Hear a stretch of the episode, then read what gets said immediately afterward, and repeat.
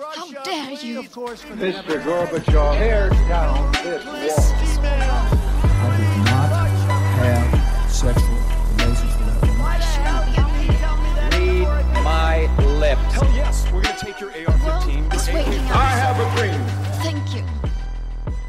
Ja, velkommen til eh, episode 22 23. Det er litt vanskelig å holde tellinga nå, syns jeg. Det er vel 22. eh, Og det er eh, 1. april.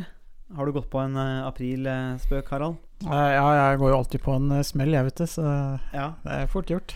1. april er en tung dag, da, med andre ord. Ja, det er egentlig bare å gå og legge seg eh, nå som jeg, når vi er ferdig med podkasten. Så Mm. er dagen over. Det er tryggest, det.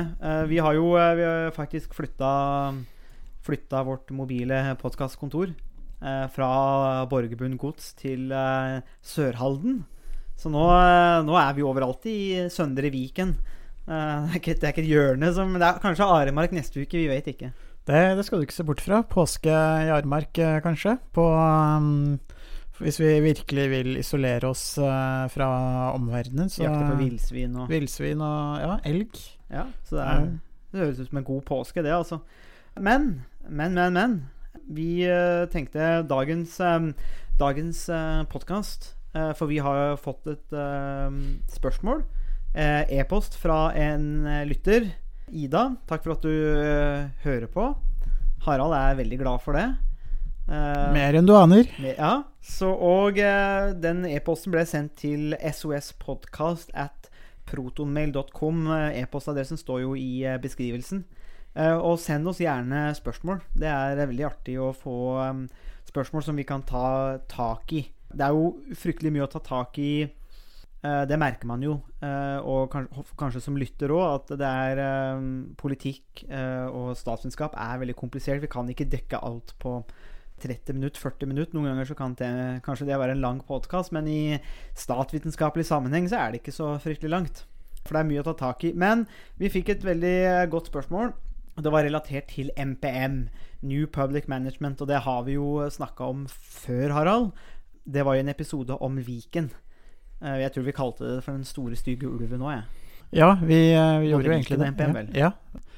De er jo ulver begge to. Vi nevnte jo villsvin nå nettopp. Det kan hende hende at uh, villsvinmetaforen egentlig er mer uh, treffende enn uh, en ulvemetaforen. Ja, slik at, slik at eh, MPM er ikke en ulv, et rovdyr, men mer en sånn eh, En åtsel eh, En altetende Ja, som, som bare sluker, gnafser seg vei gjennom landet. Ja, jeg vil vel, egentlig, vil vel egentlig si at det eh, hvis, hvis vi skal eh, bruke metaforer fra dyreriket, så er kanskje villsvinet mer, mer treffende. For villsvinet er jo et, et dyr som, som roter gjennom bakken og um, spiser eh, omtrent alt eh, av hva som eh, den kommer over. Mm. Og um, det er jo beskyldningen mot eh, New Public Management eh, også, at det er en eh, reformbølge som roter seg gjennom livet til folk flest og stort sett alle deler av offentlig sektor, og egentlig bare um, roter til ting, gjør det mer komplisert.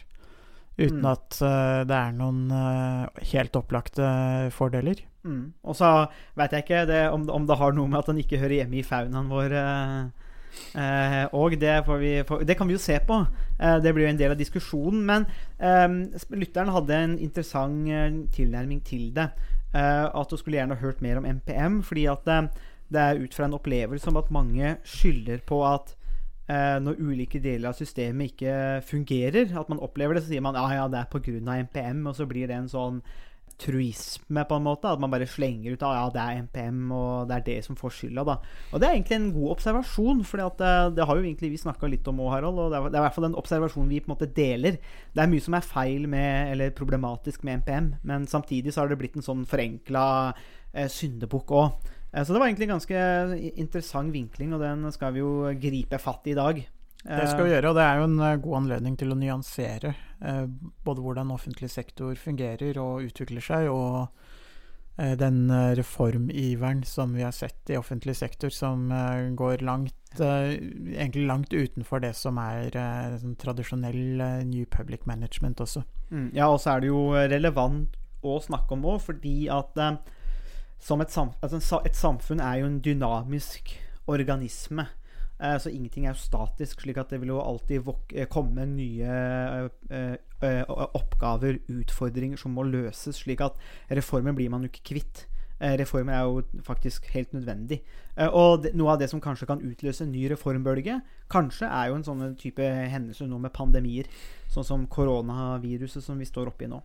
Så er, Derfor så er jo den reformdiskusjonen alltid relevant. Men jeg tenker eh, bare sånn i utgangspunktet Vi skal snakke om eh, institusjoner og reformer i dag, og MPM jeg syns i hvert fall at det er eh, nyttig å bare huske, eller ta, ha i bakhodet den, den altså grunnantagelsen om at hva politikk er. Og vi, jeg pleier som vanlig å bruke Laswells eh, definisjon fra en gang på 30-tallet, om at eh, politikk handler om hvem som får hva, når og hvor. Og hvordan og det sier litt om at denne, og denne kampen er altså karakteristisk for demokratiske stater. Og, men at det handler om politikk. Det er jo det underliggende. Det er en kamp om ressurser, fordeling av byrder og goder. Og hvis vi bare går gjennom et sånn kort eh, oppsummering eh, Det er jo mye som kan sies, da, men jeg har i hvert fall oppsummert det i fire poenger. Og så får du fylle ut, Harald, hvis det er noe du savner. Og, der, og, som sagt, bare for å gjenta, det her gikk vi gjennom eh, også i den norske delen av NPM. gikk vi også gjennom i den episoden om Viken, eh, og tok det hele gangen i det der. Eh, men NPM er et paraplybegrep om ulike reformprogrammer for offentlig sektor. Det vil si at det er ikke én teori, men heller reformer som har kommet som et resultat av faktiske forhold. Da. Eh, vokste særlig ut fra 1970-tallet av Eh, når eh, vekst i offentlig sektor hadde blitt eh, veldig stor, og man så at oi, har vi, har vi finansene til det her? Hva, hvordan skal vi finansiere velferdsstaten og offentlig sektor? Vi må kanskje begynne å komme opp med noen løsninger på hvordan Eller reformer, da, for å spare penger eller bruke ressursene mer nyttig, da. Slik at MPM handler egentlig eh, om hvilke ressurser, mye ressurser samfunnet skal bruke på offentlig sektor. Eh, eller strengt tatt hvem som skal få hva, når og hvor. Uh, hva syns du om den oppsummeringen der, Harald? Jo, den, rommer uh, veldig mye. Og det som er interessant, er jo at på 70-tallet, hvor man hadde um, en sterk økning i oljeprisen, noe som var et sjokk for mange oljeavhengige økonom økonomier i Vesten, uh, man hadde en økonomisk stagnasjon. Og i den konteksten så var det viktig å gjøre noe med kostnadene i offentlig, altså kostnadsnivået i offentlig sektor. Problemet mm er jo at selv om man forsøkte å redusere kostnadene i offentlig sektor, så har jo kostnadene i offentlig sektor egentlig økt, eller andelen av bruttonasjonalprodukt som uh, brukes i uh, offentlig sektor. Det har jo jevnt og trutt uh, økt siden 70-tallet, og egentlig lenge før det. Så det er jo et spørsmål om det her har hatt noe effekt i det hele tatt. Mm. Men det er jo et spørsmål som vi kan diskutere mer det er jo, det er jo et eh, Ja, et, et, et, eh, et, eh, problem som vil Eller en diskusjon som nødvendigvis kanskje vil komme eh, med, stadighet. Men hvis vi deler opp Det er på en måte det generelle, altså MPM som en slags paraplybegrep, og at det kommer ut fra en eh, altså faktiske politiske forhold. Det er ikke noen som bare satt og drømte opp det her, egentlig. Det, det kommer i sammenheng med eh, politiske forhold. Så har jeg gjort en ytterligere oppdeling som vi snakka om, som kan være en interessant måte å kanskje Eller nyttig måte da, oppsummere MPM på. Uh, jeg har lagt opp i, i uh, fem ulike bolker. Og det er at MPM er definert av én konkurranse, to output, tre valgfrihet, fire profesjonell ledelse og fem fragmentering. Eh, det er også mulig å dele det her opp i, i, ledelsesteori og sånne ting, men det skal vi ikke gjøre nå, for det blir unødvendig komplisert. Men det er en del eh, ting langs de fem punktene som vi kan diskutere med tanke på spørsmålet vi fikk fra lytteren og helsesektoren. Og vi kan jo starte med den første, Harald. Altså konkurranse. Det er jo Hvorfor er konkurranse så måte, så attraktivt, det med marked og konkurranse. Det er jo en viktig del av, eh, av MPM. Men hvorfor er det Hva er det som, er det som ligger i, i, til grunn for den, det punktet? Antagelsen er jo at uh, et marked vil være en effektiv måte å fordele ressursene på. Og når ulike aktører kan konkurrere om uh, ressursene, så vil de aktørene som er mest effektive, uh, være de som, som løser oppgavene rimeligst og med best kvalitet. Så hvis vi overfører prinsippene om eh, marked og konkurranse fra privat sektor til offentlig sektor, så mm, må offentlig sektor konkurrere litt på de samme vilkårene som, eh, eller som privat sektor eh, må gjøre. Mm. Og da er ideen at offentlig sektor vil tilpasse seg, eh, og over tid redusere kostnadsnivået, bli mer effektiv, og kunne levere bedre kvalitet på, på tjenestene. Mm. Så i teorien så fremstår det som en, en ganske genial måte å omorganisere offentlig sektor. Så Ja, for, for da tar man jo som utgangspunkt at markedet faktisk eh, omorganiserer eller fordeler ressurser på en god måte. Har den konkurransen. Og og så kan man jo her gå tilbake til den podkasten for to podkaster siden, vel, der vi snakka om økonomi og kapitalismen. eh, og hvordan det fungerer med den mer kapitalismeteorien. da. Men da må man jo ta de, det, da er det tatt som utgangspunkt. da. At det er sånn markedet fungerer. det, det er en, eh, et premiss som ligger til grunn, og som man antar er sant. Mm. Og så er det jo det et premiss som eh, kanskje gjelder i, eh, på noen områder og innenfor noen deler av offentlig sektor i større eller mindre grad, eh, og som kanskje ikke er gyldig i det hele tatt for andre områder. Mm, ja, det er et godt poeng. Og det er også at borgerne eh, i et land også på en måte blir mer som kunder da, eh, i en butikk, er jo også en sånn måte å se borgerne på. da. Så en annen måte å organisere seg litt på der. Ja, vi, vi blir eh, som borgere så blir vi sett på som konsumenter og forbrukere eh, i større grad. I- Istedenfor uh, for borgere eller pasienter eller brukere eller hva man vil kalle Ja. Kalle eh, borgerne i en mer sånn tradisjonell eh, organisering av, av offentlig sektor. Mm. Så det, det her handler jo også litt om uh, i hvor stor grad samfunnet skal kommersialiseres eller ikke. Hva, hvilken rolle er det vi, vi har i samfunnet? Er det eh, som, uh, som lydige forbrukere, eller er det som aktive samfunnsborgere? Det er også noe som en diskusjon som, eh, som ofte blusser opp i forbindelse med New Public Management. Mm. Jeg tenker jo at det, dette er noe mange kanskje kjenner igjen. altså eh, for som eh, man, man, man spøker jo ofte med offentlig sektor. Eh, kanskje, jeg vet ikke, Der gjelder kanskje alle kommuner i, i Norge òg, men veldig ofte så spøker man jo eller tuller med kommunearbeidere, kommuneansatte. At det bare ja, det går så seint, og de jobber så bedagelig fordi at de er jo ansatt i kommunen. Ha, ha, ha. Det blir liksom sånn eh, halvveis vits. Og det er jo på en måte de, kanskje litt av den, det sentimentet eller den følelsen, den situasjonen man da prøver å unngå.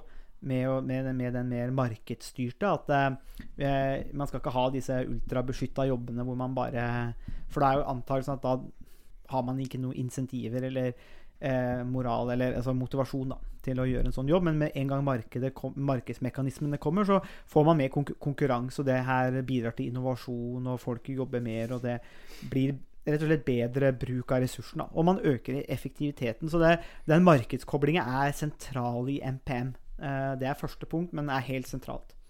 Eh, nummer to eh, output har jeg kalt det, men også, vi kan også kalle det kanskje for incitamentstyring. Og jeg tenker, Det henger litt sammen med markedet, det vi snakka om i stad. første punkt, markedsstyring. Men det at Og det her kommer fra en grunnantakelse i det vi kaller public choice, men at mennesker responderer på insentiver. F.eks. at arbeidskontrakter kan være insentivstyrt. Dvs. Si at får du bedre resultater, så utløser det høyere bonus. Eh, er, det, er det mulig å trekke den ligningen til det, til det vi snakka om om eh, bedriftslederen i USA, som eh, solgte De hadde et, et incitament om å høyne aksjekursen, så de brukte profitt til å kjøpe aksjer. Det blir riktig, det? er det ikke det, Harald? Jo, det tror jeg forstår, jeg har forstått det da. Ja, jeg tror det. Ja.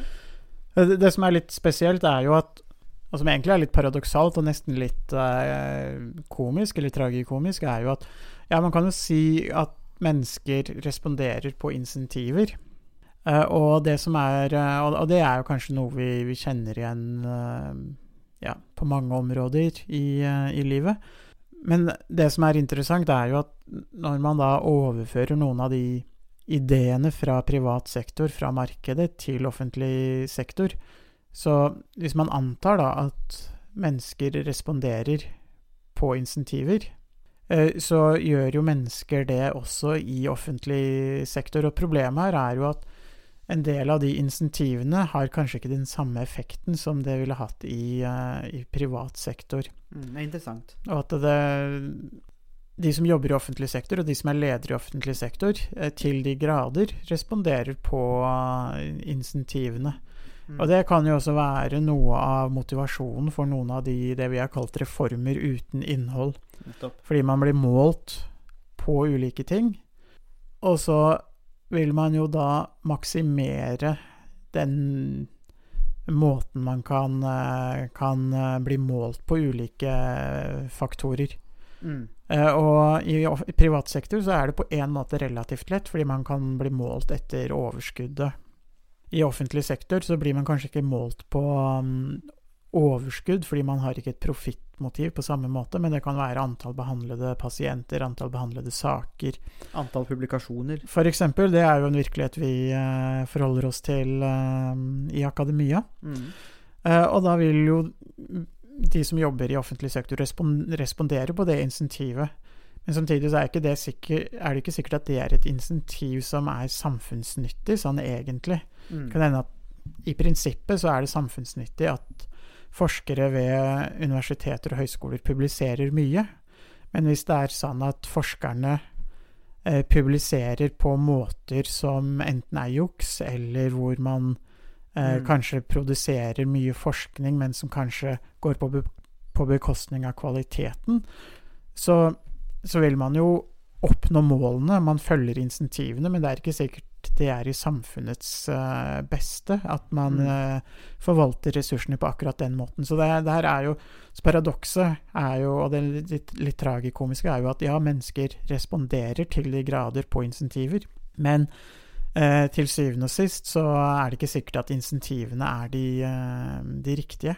Nei, det er, det er ikke noe sånn Det er jo ikke en sånn ehm, magisk eh, Det er ikke noe magi ved det. At bare man har in, in, eh, insentiver, så, så ordner alt seg. Det er ikke, det er ikke sånn kan, det kan bli pervertert eller tragikomisk, som du sier. Også dette med målbarhet, som er en viktig del av det vi, som jeg da kaller her output eller incitamentstyring. Målbarhet. At man kan det er fokus på resultater i form av å nå fastsatte resultatmål. og Det, er interessant det du sier med den forskningen. fordi at eh, Jeg lurer på om det var i fjor at det kom en rapport som viste at jeg, jeg, jeg, Det er kanskje noen flere år siden.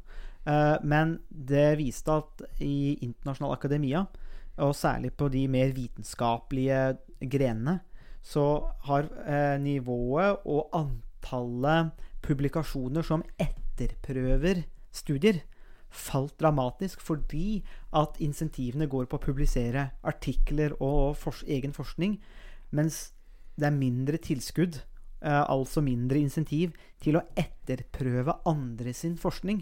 Og problemet her er jo det at det vitenskapelige paradigmet eh, og eh, systemet er jo egentlig basert på at man produserer forskning som andre etterprøver.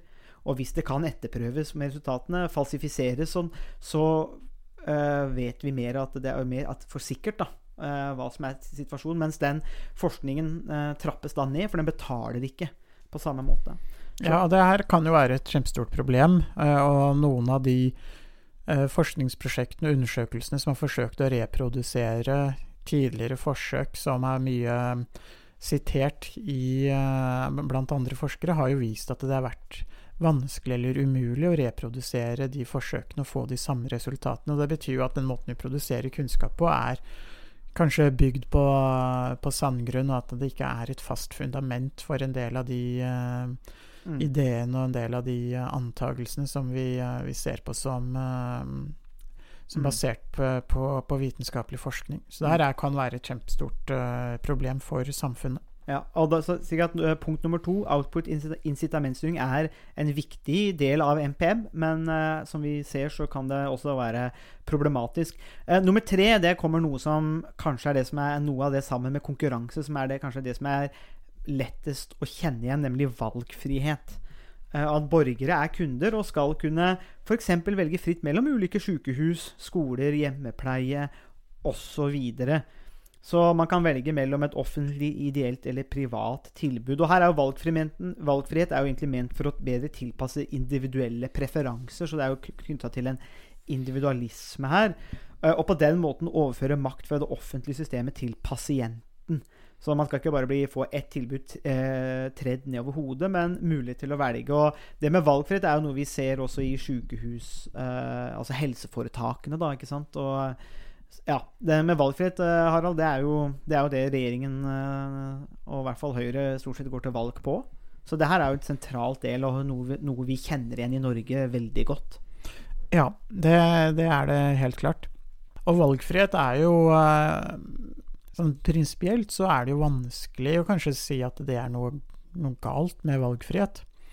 Fordi det gir oss eh, ulike eh, alternativer når vi skal eh, foreta ta beslutninger. Vi kan sammenligne ulike modeller, ulike sykehus, ulike måter å gjøre ting på, ulike utdanningstilbud osv. Så prinsipielt sett så er, så er det jo mye positivt å si om, eh, om valgfrihet. Det som kan gjøre det mer komplisert, er jo at ofte så kan det være komplisert for eh, oss som eh, borgere å sammenligne ulike universiteter, høyskoler, utdanningstilbud, behandlingstilbud i helsevesenet osv., fordi det krever mye mer kunnskap Mm. eh, enn det som man kan forvente at en vanlig eh, samfunnsinteressert borger faktisk eh, har mulighet til å tilegne seg. Og det gjør at valgfriheten kan bli litt illusorisk. Mm. Eh, man velger kanskje det som flertallet velger, men eh, hvis flertallet ikke har foretatt valgene sine på, eh, på en eh, altså basert på kunnskap eh, og et, en aktiv overveining over alternativene, så er det ikke sikkert at det vil gi noe bedre kvalitet, eller at det vil føre til eller, til noen, altså at det vil gi noen reelle fordeler for, eh, for borgerne. Så det kan være et illusorisk, eh, en illusorisk valgfrihet hvor eh, vi bare har valgfrihet i teorien mer enn i, i Mm. praksis. Ja, og så er det jo, tenker jeg, det er som du nevnte i stad òg, at det, det, kan jo hende at det er noen deler av sekt, samfunnet så der vi liker å ha valgfrihet, og andre hvor vi er mer fornøyd med å kanskje ikke ha det. F.eks. sånn når det kommer til hvor du vil gå på skole, så ja, kanskje man tenker at det å få velge hvilken høyskole skal man gå på, hvilket universitet, eller kanskje til og med videregående, så kanskje det er et område hvor vi liker å ha valg, mens eh, kanskje når det kommer til f.eks. helse, da.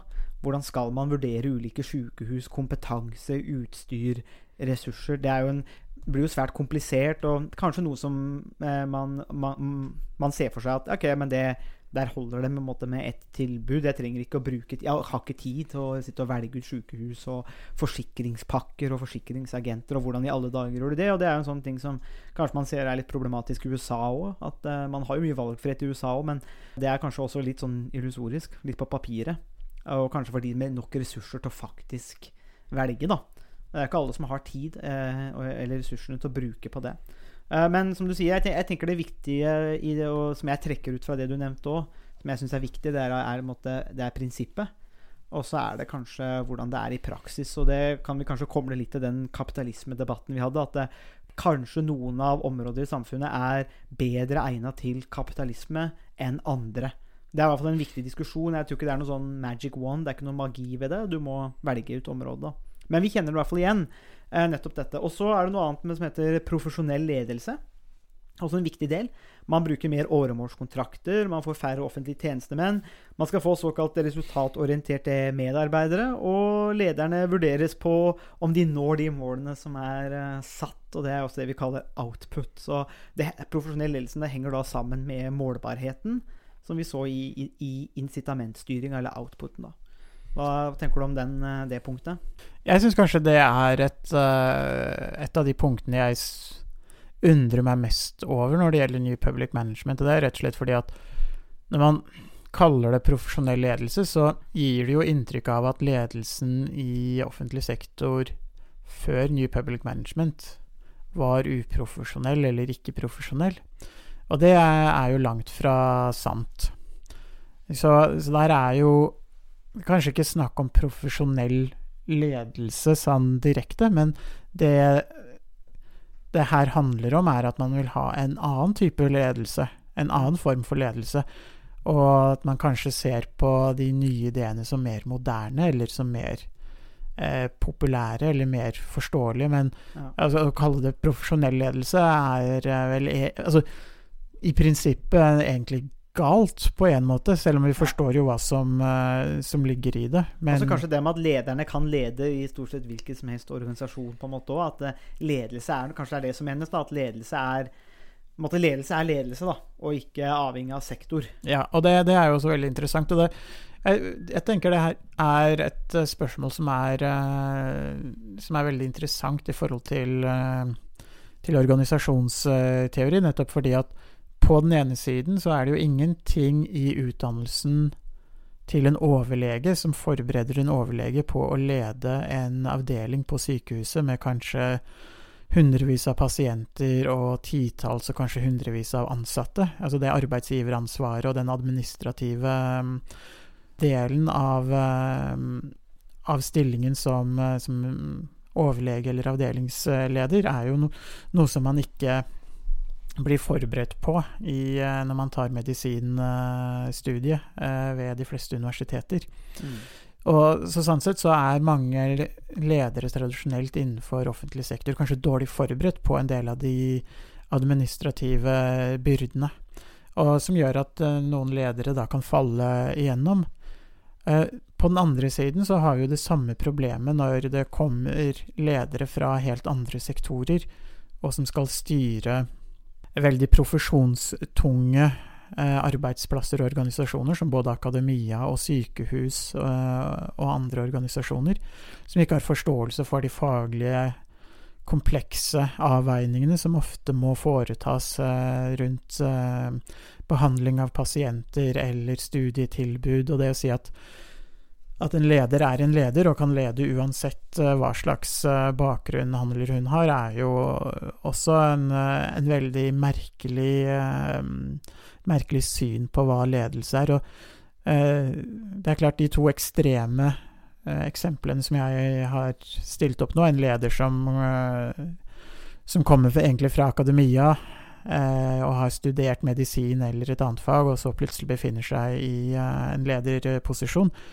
som handler hun ikke er forberedt på, jo, kan jo være skremmende. Eh, og det samme er jo det overmotet som man kanskje finner i den filosofien som sier at uh, en leder er en leder og kan lede uansett hva mm. slags bakgrunn lederen har. Om lederen har bakgrunn fra det utdanningsfeltet eller fra den bransjen eller delen av offentlig sektor som han eller hun skal lede. Så det er jo like et like en like pussig filosofi, egentlig. Det er jo, virkeligheten er jo ofte mer komplisert, og det er en del personlige egenskaper og mange andre ting som, som har betydning for om man blir en god leder eller ikke. Ja, absolutt. Og jeg har jo eh, eh noe erfaring fra altså Man sier jo i Forsvaret at eh, man utdanner, ut, eh, utdanner befal. Handlekraft, handlekraftig leder i et operativt miljø, men det er klart at man blir jo utdannet som leder i ytterste konsekvens til å drepe andre mennesker. Fra min erfaring så vet jeg ikke helt om det har klart overføringsverdi til akademia eller sykehus. Slik at det med å ledelse, tenker jeg det som du påpeker, og med personlige egenskaper og i, i institusjoner eller sektorer eh, som har en egen logikk og egen dynamikk som man ikke eh, ja, det, det, det, du nevner med overmotet, tenker jeg er noe som er litt sånn interessant. Fordi at man får, kan få litt sånn Messias-stemning noen ganger når noen eh, kommer og skal fortelle hvordan ting skal gjøres. Det er litt mer komplisert enn som så. Det har litt med at mennesker er veldig kompliserte vesener nå. Så sånn henger det sammen. Men det siste punktet, eh, punkt nummer fem, og det mener jeg også er en sentral del av NPM, og det er det vi kan kalle fragmentering. En slags desentralisering. Men oppsplitting av offentlig sektor i klart definerte enheter. Oppgaver skal da defineres og klart og måles. Målbarhet. Enhetene skal være klare for å konkurrere med andre. Og enhetene står til regnskap for brukerne, altså borgerne eller kundene, som vi kan kalle det. Eh, og et eksempel i hvert fall som jeg har brukt og sett på, er jo NSB. Eh, og hvordan de gikk fra å være en statlig forvaltningsbedrift fra 1883 til 1996. Og så fikk vi NSB AS, som var, tok seg av trafikken, og Jernbaneverket, i, som tok seg av infrastrukturen. Og så har det til senere blitt skilt ut til f.eks. NSB Gjøvikbanen, Cargonet, Svenska Togkompaniet eh, på trafikkdelen, mens på infrastrukturen så har det blitt Jernbanedirektoratet og så Bane Nor.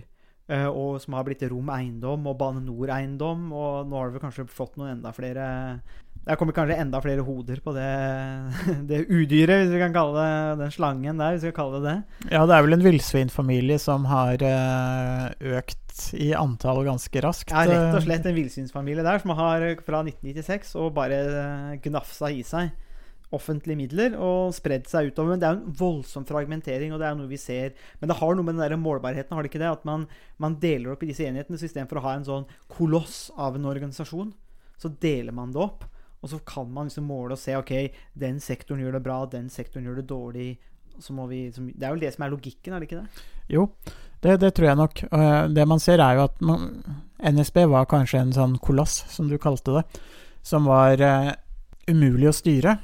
eh, fordi det var så mange ulike avdelinger, ulike undergrupper av arbeidsoppgaver Mm. osv., og, så og at det, det kanskje var vanskelig å se hvordan de her kunne, kunne samhandle. og da da kom man jo på den geniale ideen at man kan splitte det opp i ulike aksjeselskaper eh, som kjøper tjenester eh, av hverandre, eller av staten, eller av eh, det private. Og I utgangspunktet så kan jo det kanskje ha en del eh, for seg, fordi da blir det klarere hva hver enkelt enhet eh, driver med, og det er lettere å måle resultatene i hver enkelt eh, enhet. Og det er jo egentlig greit nok så langt. Problemet med, med den type oppsplittinger er at eh, man får flere ledere. og man får flere som jobber med å måle resultatene, rapportere resultatene.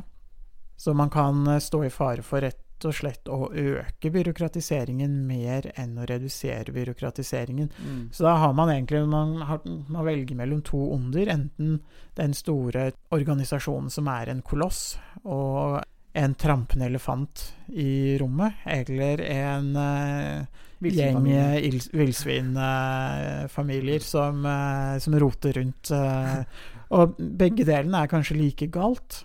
Eh, så i hvert fall når vi set, ser, setter det litt på spissen eh, og karikerer det litt, sånn som, eh, Ja. som vi gjør nå. Så begge deler er kanskje like galt, for tungrodd byråkrati er jo også helt håpløst. Men det er jo også alle de ulike snirklete organisasjonsformene og aksjeselskapene som egentlig offentlig sektor består av. For det er, de er jo i mindre grad står vi i mindre grad eh, til rette overfor eh, borgerne. Ja, det er altså Vy. Altså NSB ble jo til slutt Vy òg. Og det har jo blitt latterliggjort eh, over en lav sko. Eh, og med rette, mener jeg, for eh, maken til tullete reform, hvis jeg får si min personlige mening. Eh, å kaste bort penger på å eh, tegne eller fargelegge toga til å bli grønne, og så har man plutselig en grønn profil, som om det skulle gjøre noe forskjell på de greiene der. Det er jo innhold, nei, reform uten innhold. Eh, men da kan vi jo bare referere tilbake til jern jernbanereformen som mente at jernbanesektoren ville da bli mer kundeorientert og effektiv, og at, ved at man tilrettela for konkurranse. Eh, og så står det senere i reformen konkurranse vil kunne bidra til et bedre togtilbud og sikre at staten kjøper togtjenester til riktig pris. Eh, og da ser vi litt av den logikken som vi har snakka om eh, i de fem punktene. Det med den markedsmekanismen, konkurranse, målbarhet. Da skal vi få eh, såkalt riktig pris, og vi skal få mer effektiv effektivitet. Uh, og dermed blir offentlig sektor bedre, da. Uh, og da kan vi jo kanskje, og så har du nevnt litt med det der paradokset. Uh, som er ganske sånn interessant. At vi kanskje får en får, Det som kanskje har skjedd, er at vi har fått en større byråkratisering. Uh, kanskje i en del sektorer. At vi har fått flere kommunikasjonsdirektører eh, osv. Slik at NPM skulle jo måtte respondere på voksende offentlig forbruk, og så ser vi at oi, det er kanskje ikke det som har skjedd. Det som hadde vært veldig interessant, jeg har ikke sett noen sånne studier, men det som kunne vært veldig interessant, hadde vært å sett f.eks. på jernbanesektoren. Hvor mye penger er det som brukes på jernbanesektoren i dag kontra årene før reformen? Er det økt? Er det gått tilbake? Er det eh, noen eh, måter man kan se om punktligheten har blitt bedre? Flere avganger? Eh, altså er, er det noen har det blitt gjort noen evalueringer som viser noe om eh, i hvilken grad vi har fått mer eller mindre igjen eh, for, eh, for pengene som har gått til f.eks. jernbanesektoren og tilsvarende? Eh, analyser eh, kan jo gjøres for, for andre om, om, områder av offentlig sektor, som helsevesen og, Mm. Mm. osv. Det er ganske drøyt å se, se på statistikken, altså. Men Norge har nesten 50 direktører med millionlønn som styrer Jernbane-Norge. Og da klart at det da og Mens da det var NSB, så var det 11 direktører. Og det har nå økt til eh, 49. Eh, og topplederen han tjener jo da 6,2 millioner eh, kroner. Og det, altså det, det er klart, det er jo også skattepenger. Eh, og spørsmålet der er jo Det skal vi kanskje snakke om i en annen podkast òg, nettopp dette med lederlønninger, men eh, det er, det, er, det er kanskje vanskelig sånn på overflaten å se at man har fått en mindre offentlig sektor og spare penger når antall direktører går opp. Og vi har ikke bygd mer jernbane. Det er bare å se på Østfold. Vi har ikke klart å bygge dobbeltspor i Østfold, men vi har samtidig fått eh, nesten 50 direktører, men ikke noe jernbane. Ja, og her er vi jo inne på, på noe av det som er eh, litt skummelt, og kanskje et faretegn. For når vi ser på offentlig sektor eh, totalt sett, så ser vi jo at eh, ressursbruken i offentlig sektor øker jevnt og trutt. og eh, står for en større andel av verdiskapningen i eh, Norge, men ikke bare i Norge, men også i de fleste andre vestlige land. Eh, Så det kan jo tyde på at eh, de reformene som har vært gjennomført med sikte på å redusere offentlig pengebruk, i stor grad har vært mislykkede. mislykkede. Det er eh, interessant. Jeg tenker vi skal kunne, kan avslutte denne podkasten, episoden, med uh, For det, det, det er også interessant, uh, fordi lytteren uh, har en observasjon om at når deler av systemet oppleves som at det ikke fungerer, så er det MPM som får skylda. Hva, hva tenker du om den, altså, Harald? At MPM på en måte altså, Det er helt klart en rekke utfordringer. Vi, du nevnte jo akkurat nå en utfordring, men blir det for lett å si at, liksom, at alt som går gærent, eller når systemet ikke fungerer, så, så er det MPM som har skylda, slik som lytteren spør om, og og, og hun nevner da særlig det med helsesektoren. Eh, så hva, er din vurdering på nettopp den observasjonen der? Jeg tenker det er en god observasjon, fordi det er det inntrykket man får gjennom eh, media og gjennom mye av det man leser. Eh, NPM har blitt en, en skyteskive som får skylden for eh, det meste som går galt. Eh, Og det er nok litt problematisk, for eh, det, NPM er ikke en, en reform som, som favner alt, selv om den favner ganske mye. Så det, blir litt for enkelt å si at New Public Management er eh, opphavet til alt, eh, roten til alt ondt som skjer i helsevesenet og ellers i, eh, i offentlig sektor. Så, så det blir nok litt, litt for enkelt, men samtidig så, så må New Public Management ta en veldig stor del av ansvaret for hvordan helsevesenet i Norge i dag er organisert. Og helseforetakene har jo, er jo blitt organisert etter modell av privat uh, sektor. Det finnes en del likhetstrekk mellom helseforetaksloven og aksjeloven.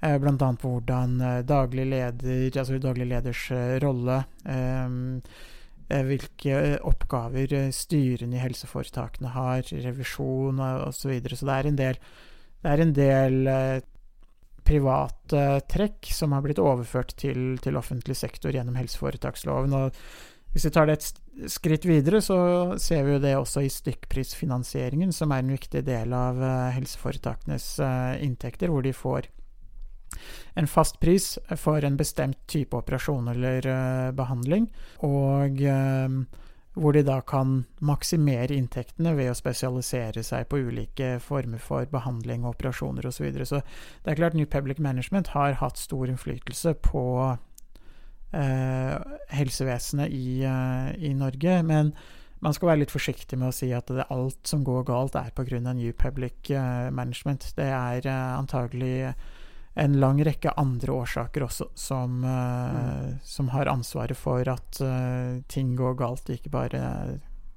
det man kaller New Public Management. Og det er også litt for, fordi at New Public Management er jo også vanskelig å definere veldig presist, og den diskusjonen som vi har hatt av begrepet så langt, viser jo at det er jo ganske uklart en del av de eh, Og det er en del paradokser og en del eh, forutsetninger som, eh, som kanskje er implisitt, og som kanskje ikke er så lett å få, få øye på. og Det gjør at, at New Public Management eh, blir en litt sånn stor, sort gryte som man rører rundt i og, Mm. og skyller på. Uten at det, man alltid kan føre kritikken tilbake til noe konkret eh, som har med New Public Management å gjøre. Mm, jeg tenker jo at eh, som en slags avsluttende kommentar òg, at eh, New Public Management Jeg tror kanskje at mange av de ideene eh, Det som har mangla, er den mer eh, en, en, solid, seriøs diskusjon om hvilke deler av samfunnet er det som meningsfullt kan styres av disse prinsippene, og hvilke er det som ikke kan det. Og jeg tenker kanskje at i en litt sånn naivitet, kanskje, eh, kanskje sånn eh, optimisme på markedets eh, vegne, kanskje fra 90-tallet av, har på en måte i langt på vei måtte kjøpt ideene, men uten den diskusjonen. Man har bare 'Å ja, det er klart det her må fungere, og det her er så bra, og vi, vi, vi har trua på det'. Eh, så men så har det kommet uten den seriøse diskusjonen. Ok, ja, kanskje det passer for den og den sektoren. eh, mens andre sektorer kanskje ikke det passer. Eh, men så har man likevel bare gjennomført det, og så har det fått, har det fått komme opp og gå. Og er det noe som skjer i offentlig sektor, Harald, så vet vi jo at det er et, med begrepet rent-seeking. Og det er litt knytta til det du nevnte i stad, litt det med incitamenter eller insentiver. Så når man får en insentiv til å opprettholde sitt eget eh, byråkrati, stilling, posisjon, så vet vi jo fra forskningen at det gjør man ofte selv om det kanskje er ulønnsomt kollektivt. Så er det individuelt, individuelt rasjonelt å holde den stillingen eller departementet gående. Det ser vi særlig i terrorforskningen, hvordan eh, amerikanske departementer maksimerer terrortrusselen inn, og det er inflasjon i den, for å beholde budsjettene sine. Eh, man responderer på de incitamentene. Men jeg tror at en litt sånn forenkla når det kommer det vi trenger, tror jeg, rundt eh, MPM og vi- får diskutere hva det er. Men det jeg har lyst til å knytte det til, er at jeg tror vi trenger en seriøs diskusjon om hvilke sektorer er det som meningsfullt kan eh, styres av private eller markedsprinsipper, og hvilke er det som kanskje ikke skal gjøre det. Det er, men det er en større debatt om offentlig sektor. Det har ikke så mye med MPM kanskje spesifikt, men, det, men MPM, marked, kapitalisme henger sammen, og vi er nødt til å ta den diskusjonen. Og kanskje koronapandemien er den svarte svanen som du har nevnt, som kanskje trigger en sånn diskusjon. Jeg veit ikke, men vi kan jo, vi kan jo tro. Det, det kan vi eh, kan jo spekulere litt rundt, og det, det vil vi jo eh, vil vi jo se mer av Eller det vil vi jo se Se i fortsettelsen, hvordan det, det utvikler seg, egentlig. Mm. Så Det er bare å følge med, folkens. Det var det vi hadde å by på i denne ukas episode av Statsvitenskap og sånt. Musikken er komponert av Robin Horvath, og Thomas Vocolato står for miksing og redigering. Du finner oss på Facebook, bare søk på statsvitenskap og sånt. Der kan dere komme i kontakt med oss hvis dere har spørsmål eller kommentarer. Der finner dere også aktuelle artikler, videoer med mer. Vi setter pris på om dere liker sida, og deler den med andre som dere tenker vil ha glede av å høre på podkasten. Vi høres! And change is coming whether you like it or not.